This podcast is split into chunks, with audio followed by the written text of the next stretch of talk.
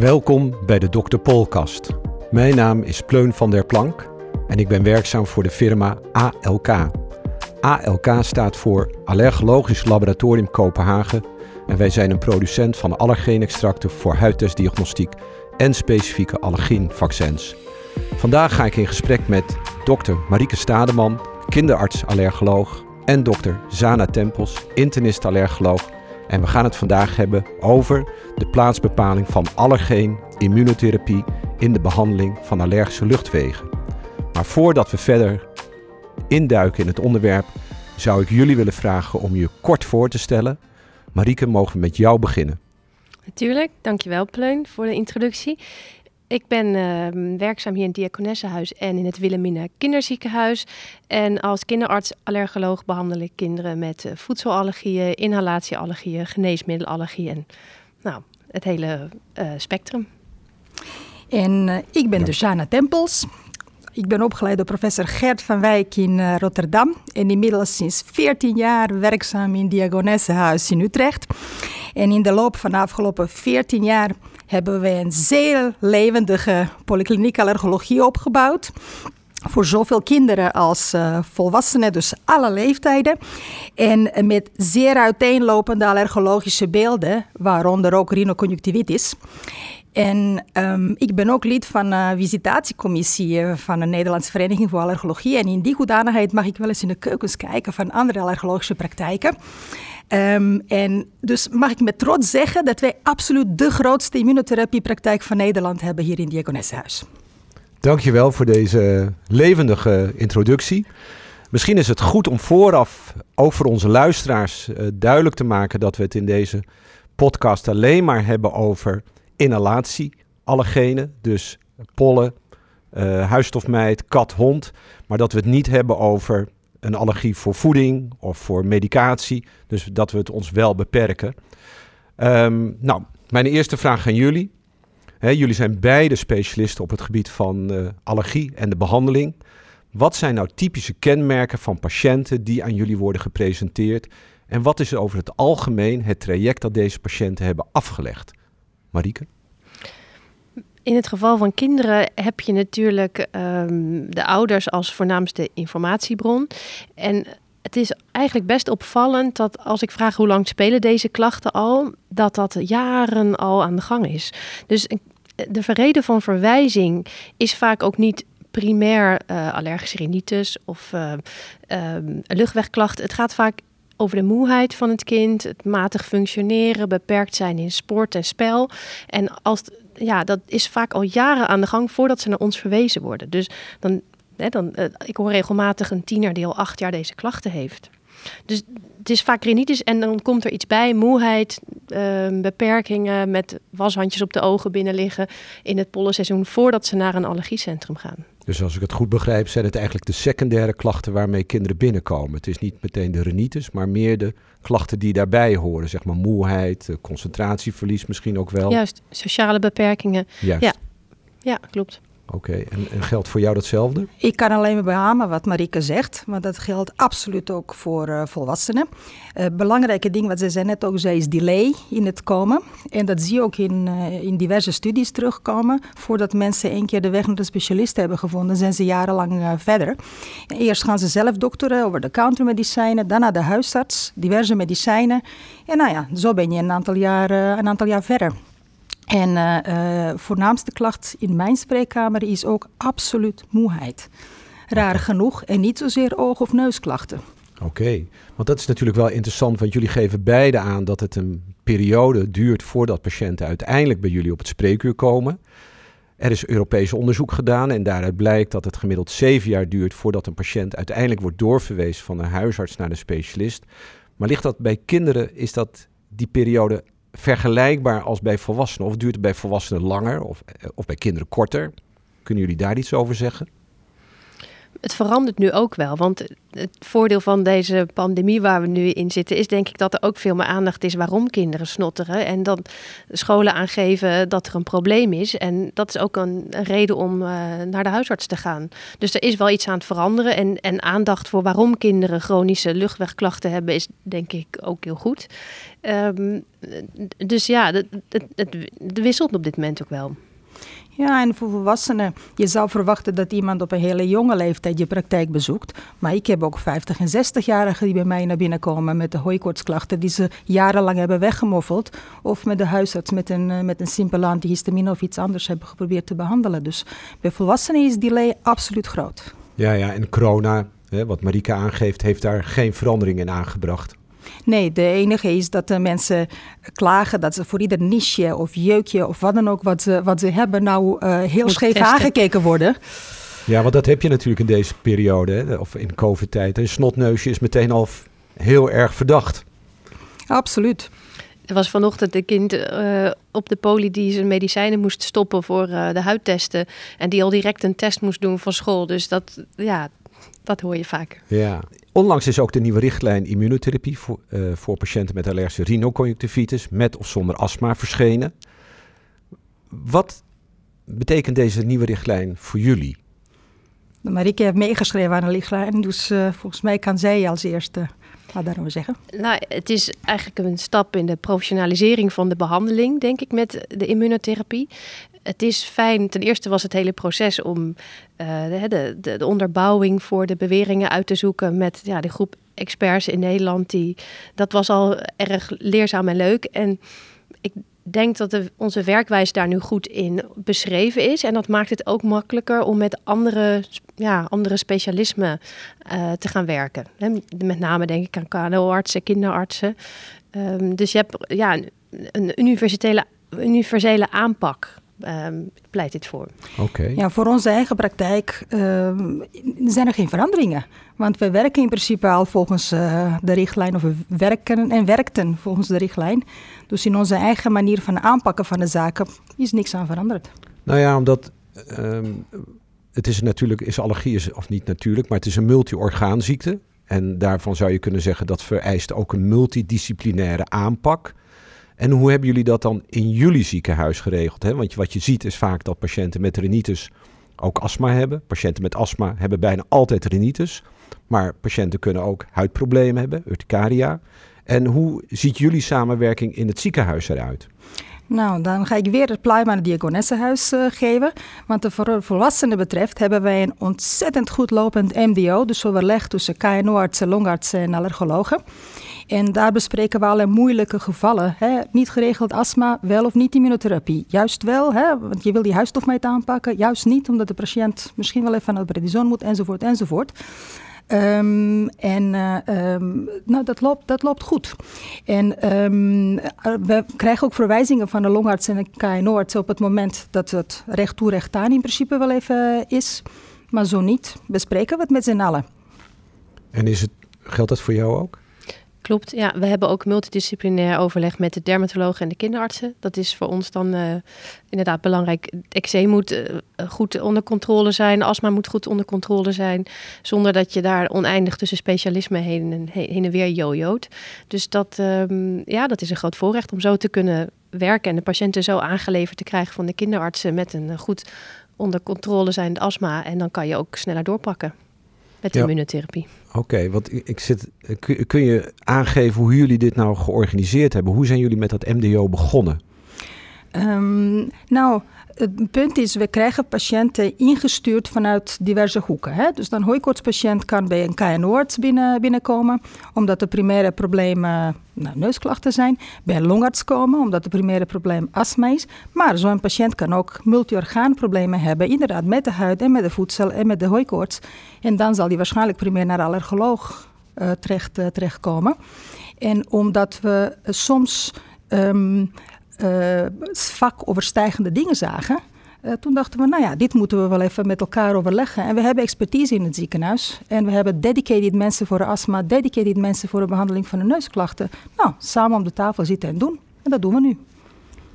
Oké, dankjewel. Want als je de richtlijn ook verder leest met betrekking tot uh, kinderen, dan wordt er in de richtlijn specifiek benoemd dat als een kind voor immunotherapie in aanmerking zou komen, dat die altijd eerst gezien zou moeten worden door een kinderarts. Ja. Dat is ook in jullie ziekenhuis het geval. Ja, zeker.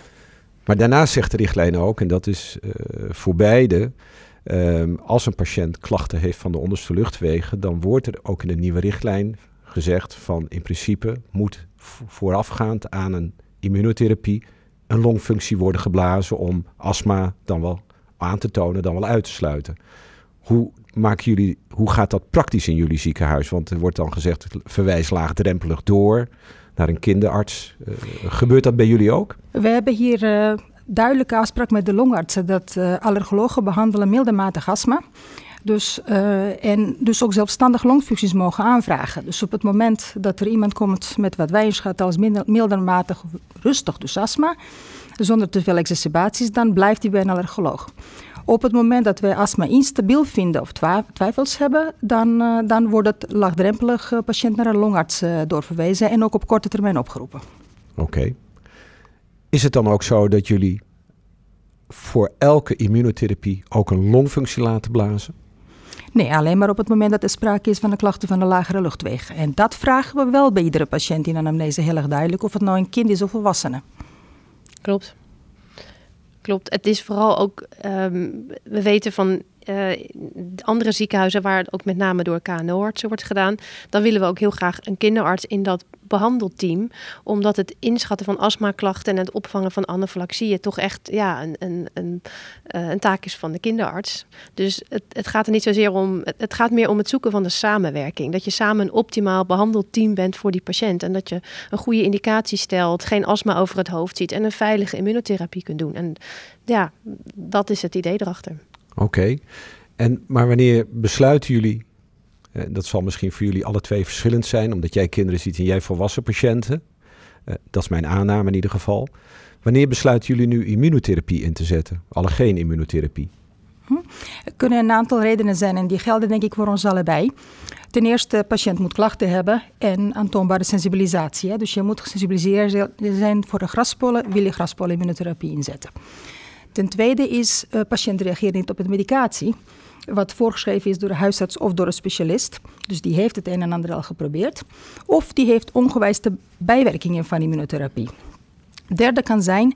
Uh, van, van de behandeling bedoel je? Van de behandeling ja. zelf niet, van, uh, van de, van de antihistamine bijvoorbeeld Juist. of nasaalsteroïden. Dank je, Marieke. Um, uh, dus dat zijn primaire indicaties voor het, uh, voor het starten van immunotherapie. Is dat voor jou hetzelfde? Ja, absoluut. Ja. Want jullie hebben het alle twee net over de intramurale verwijzingen uh, vanuit het ziekenhuis, hè, van, van collega-specialisten naar jullie toe. Hoe zit het met de verwijzingen vanuit de huisarts? Nou, de meeste van onze verwijzingen komen vanuit de huisartsen, uh, in ieder geval wat rhinoconjunctivitis klachten, klachten betreft. En die komen naar ons toe omdat Um, of mensen inderdaad niet adequaat reageren op een medicatie voorgeschreven door de huisarts. Of het zijn jonge, mondige mensen die gewoon even uh, van hun allergie af willen. En uh, dan zegt de huisarts, nou oké, dan gaan we dan een keer met allergoloog praten. Ja, en het, ik merk ook wel dat het is vooral ook bij kinderen lastig. En dan heb je soms wel medicatie die goed werkt. Um, en dan elk seizoen moet je weer praten als brugman om dat aan een kind te geven. Want ouders houden vaak niet van het geven van chronische medicatie. Die willen altijd weer naar een stopmoment waarop het kind weer slechter wordt. En die hebben dan gehoord van een nou ja, van een therapie om de allergie te verminderen. Hè. Dus de, ja, dat, ik denk dat dat voor veel ouders die kinderen hebben met chronische klachten en dus eigenlijk ja, voor oneindig aan de medicatie vastzitten, die gaan zoeken naar een alternatief en die komen ook via de huisarts dan bij ons terecht. Ja, want ook in de richtlijn kun je lezen dat er twee vormen van immunotherapie zijn. Hè. We kennen de subcutane immunotherapie, we hebben de tabletvorm. Hoe maken jullie je keuze nu van wanneer nou tabletten of wanneer nu subcutane immunotherapie of misschien wel een combi van beide? Ik denk dat daar wel even een verschil zit tussen kinderen en, en volwassenen. Wat volwassenen betreft, uh, ik bespreek absoluut altijd beide opties met, uh, met een patiënt wat tegenover mij zit. Die krijgen folders over allebei de vormen van, uh, van, van de behandeling. En soms is het klip en klaar duidelijk. Want als ik een jonge vrouw heb die een prikpil moet krijgen omdat ze orale anticonceptie die dagelijks kan nemen, dit is geen geschikte kandidaat voor de tabletten. Die moet prikken. Maar de meeste jonge mensen in deze huidige tijden van haast en heel veel dingen doen, hebben een duidelijke voorkeur voor tabletten. Ja. Je geeft aan, bij kinderen is dat anders? Nou ja, je bespreekt ook wel weer ook beide opties. En je zou natuurlijk zeggen hè, dat je met tabletten bij kinderen vaak uitkomt. Maar uh, therapie, therapietrouw en tieners is ook uh, best een uitdaging. Dus soms als je het hele verhaal hebt uitgelegd, dan uh, kiezen kinderen zelf voor de, voor de subcutane immunotherapie. En um, nou ja, goed, omdat je bij SLIT toch wel één dosis geeft heb je in het begin daarvan soms best bijwerkingen waar je patiënt op moet voorbereiden, van jeuk in de orofarings. En sommige kinderen vinden dat zo hinderlijk dat ze dan liever toe gaan prikken. Dus het is toch echt wel afhankelijk van de wensen en de levensfase en het dominante allergeen wat je gaat behandelen bij de patiënt, welke keuze je maakt.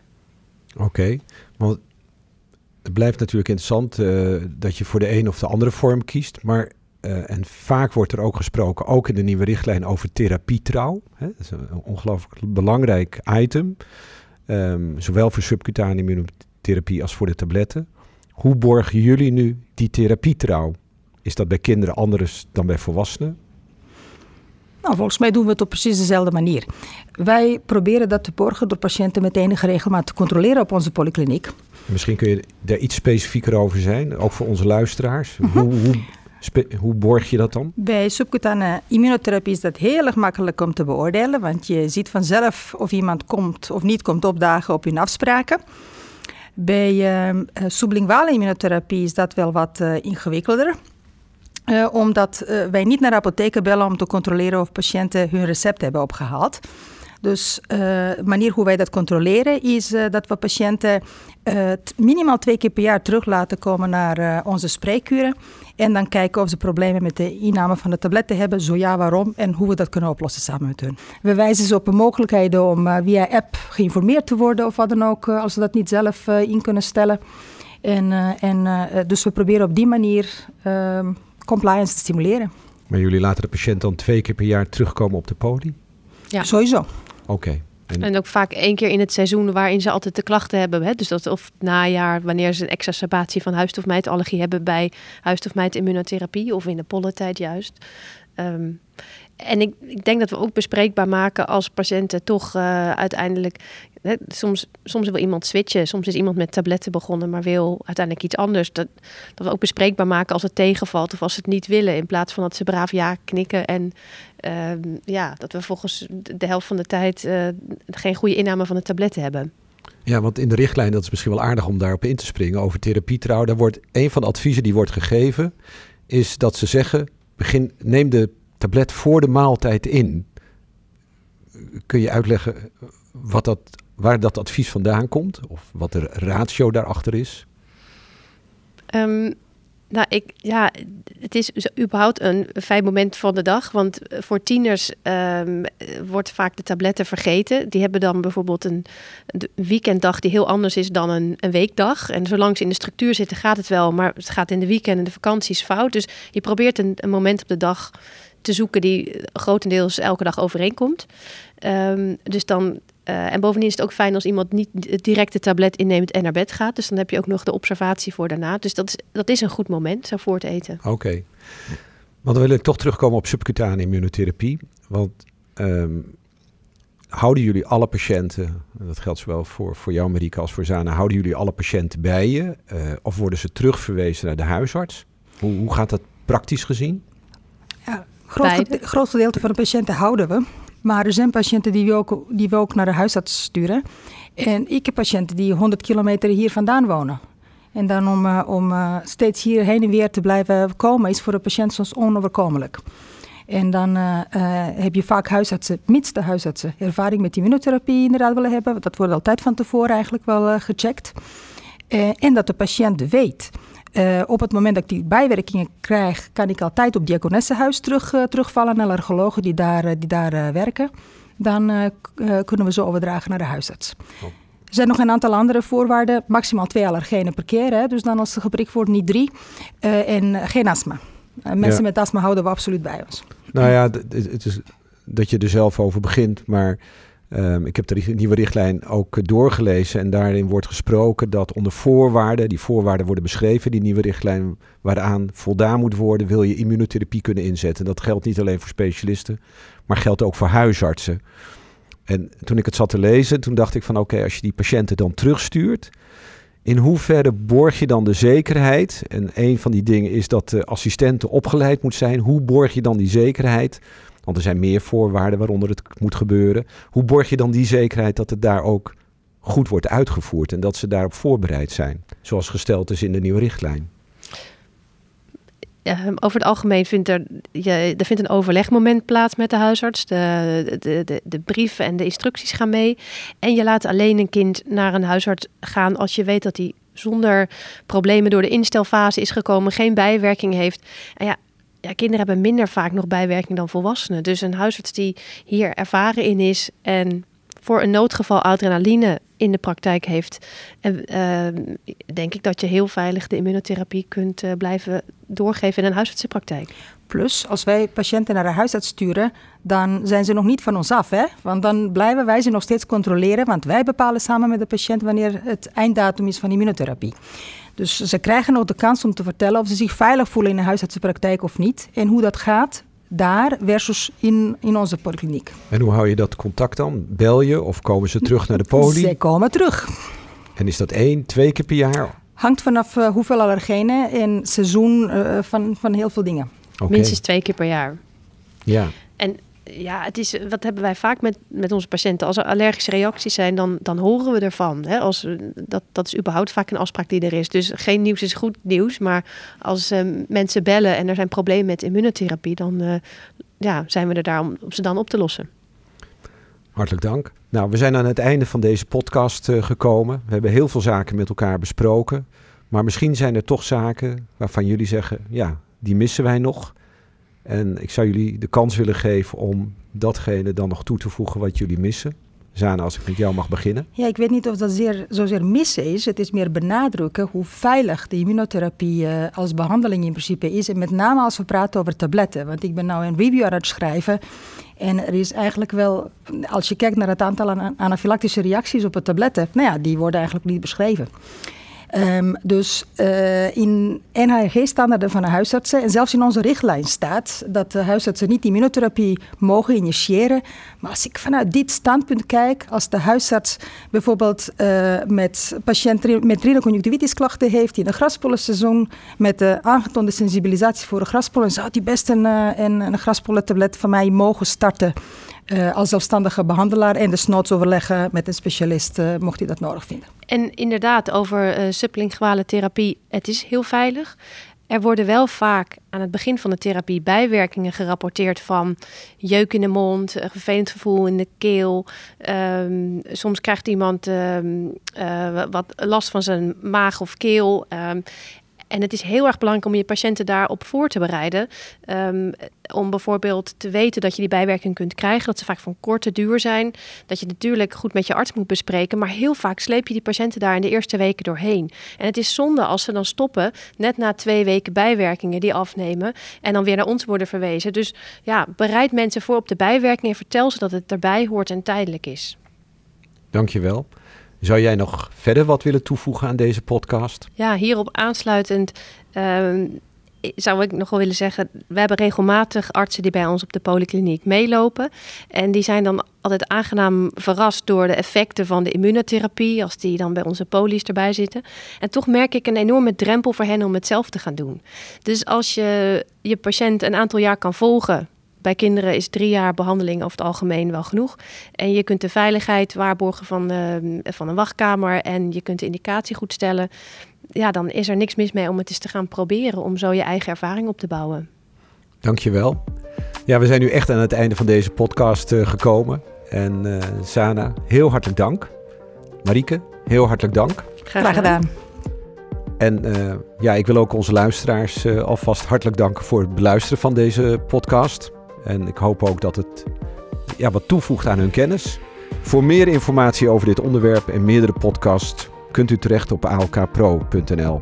Hier kan u ook de richtlijn over immunotherapie voor patiënten met allergische rhinoconjunctivitis met of zonder astma terugvinden. Heeft u nog vragen voor Zana of Marieke? Stuurt u dan uw vragen aan info.nl.alk.net en wij zullen de vragen naar hen doorsturen. Hartelijk dank voor het luisteren en tot de volgende Dr. Polcast.